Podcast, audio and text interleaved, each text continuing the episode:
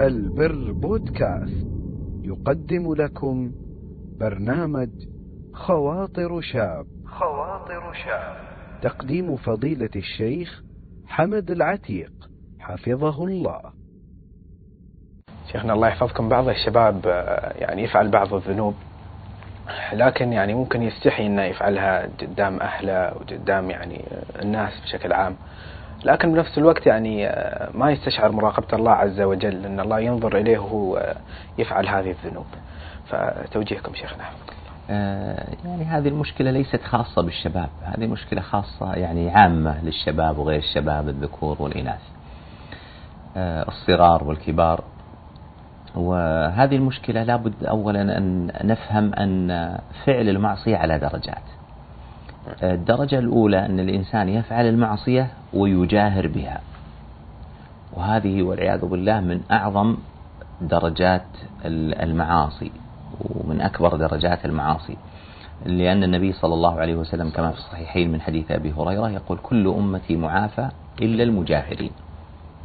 وش معنى معافى؟ يعني موعود بأن الله يعافيه وأن الله يغفر له وأنه يرحمه ما دام أنه لم يجاهر بمعصيته.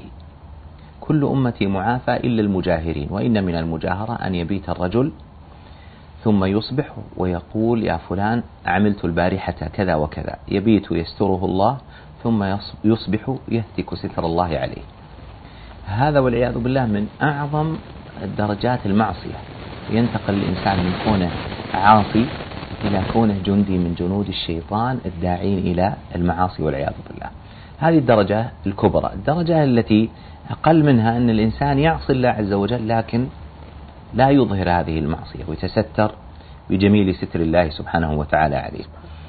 هذه الدرجة وإن كانت هي معصية لكنها أخف وأهون من الدرجة التي قبلها.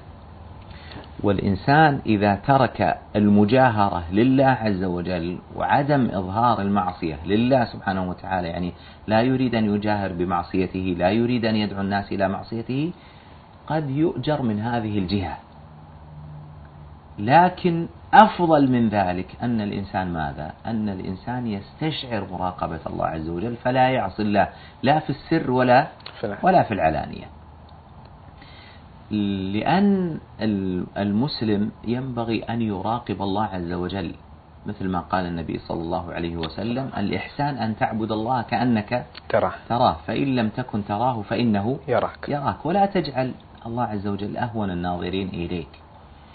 لكن المهم أن الإنسان يعرف أن المعصية دركات فمنها ما هو أعظم المعاصي وهو أن الإنسان يعصي الله عز وجل أو أعظم دركة وهو أن يعصي الله عز وجل ويجاهر بها.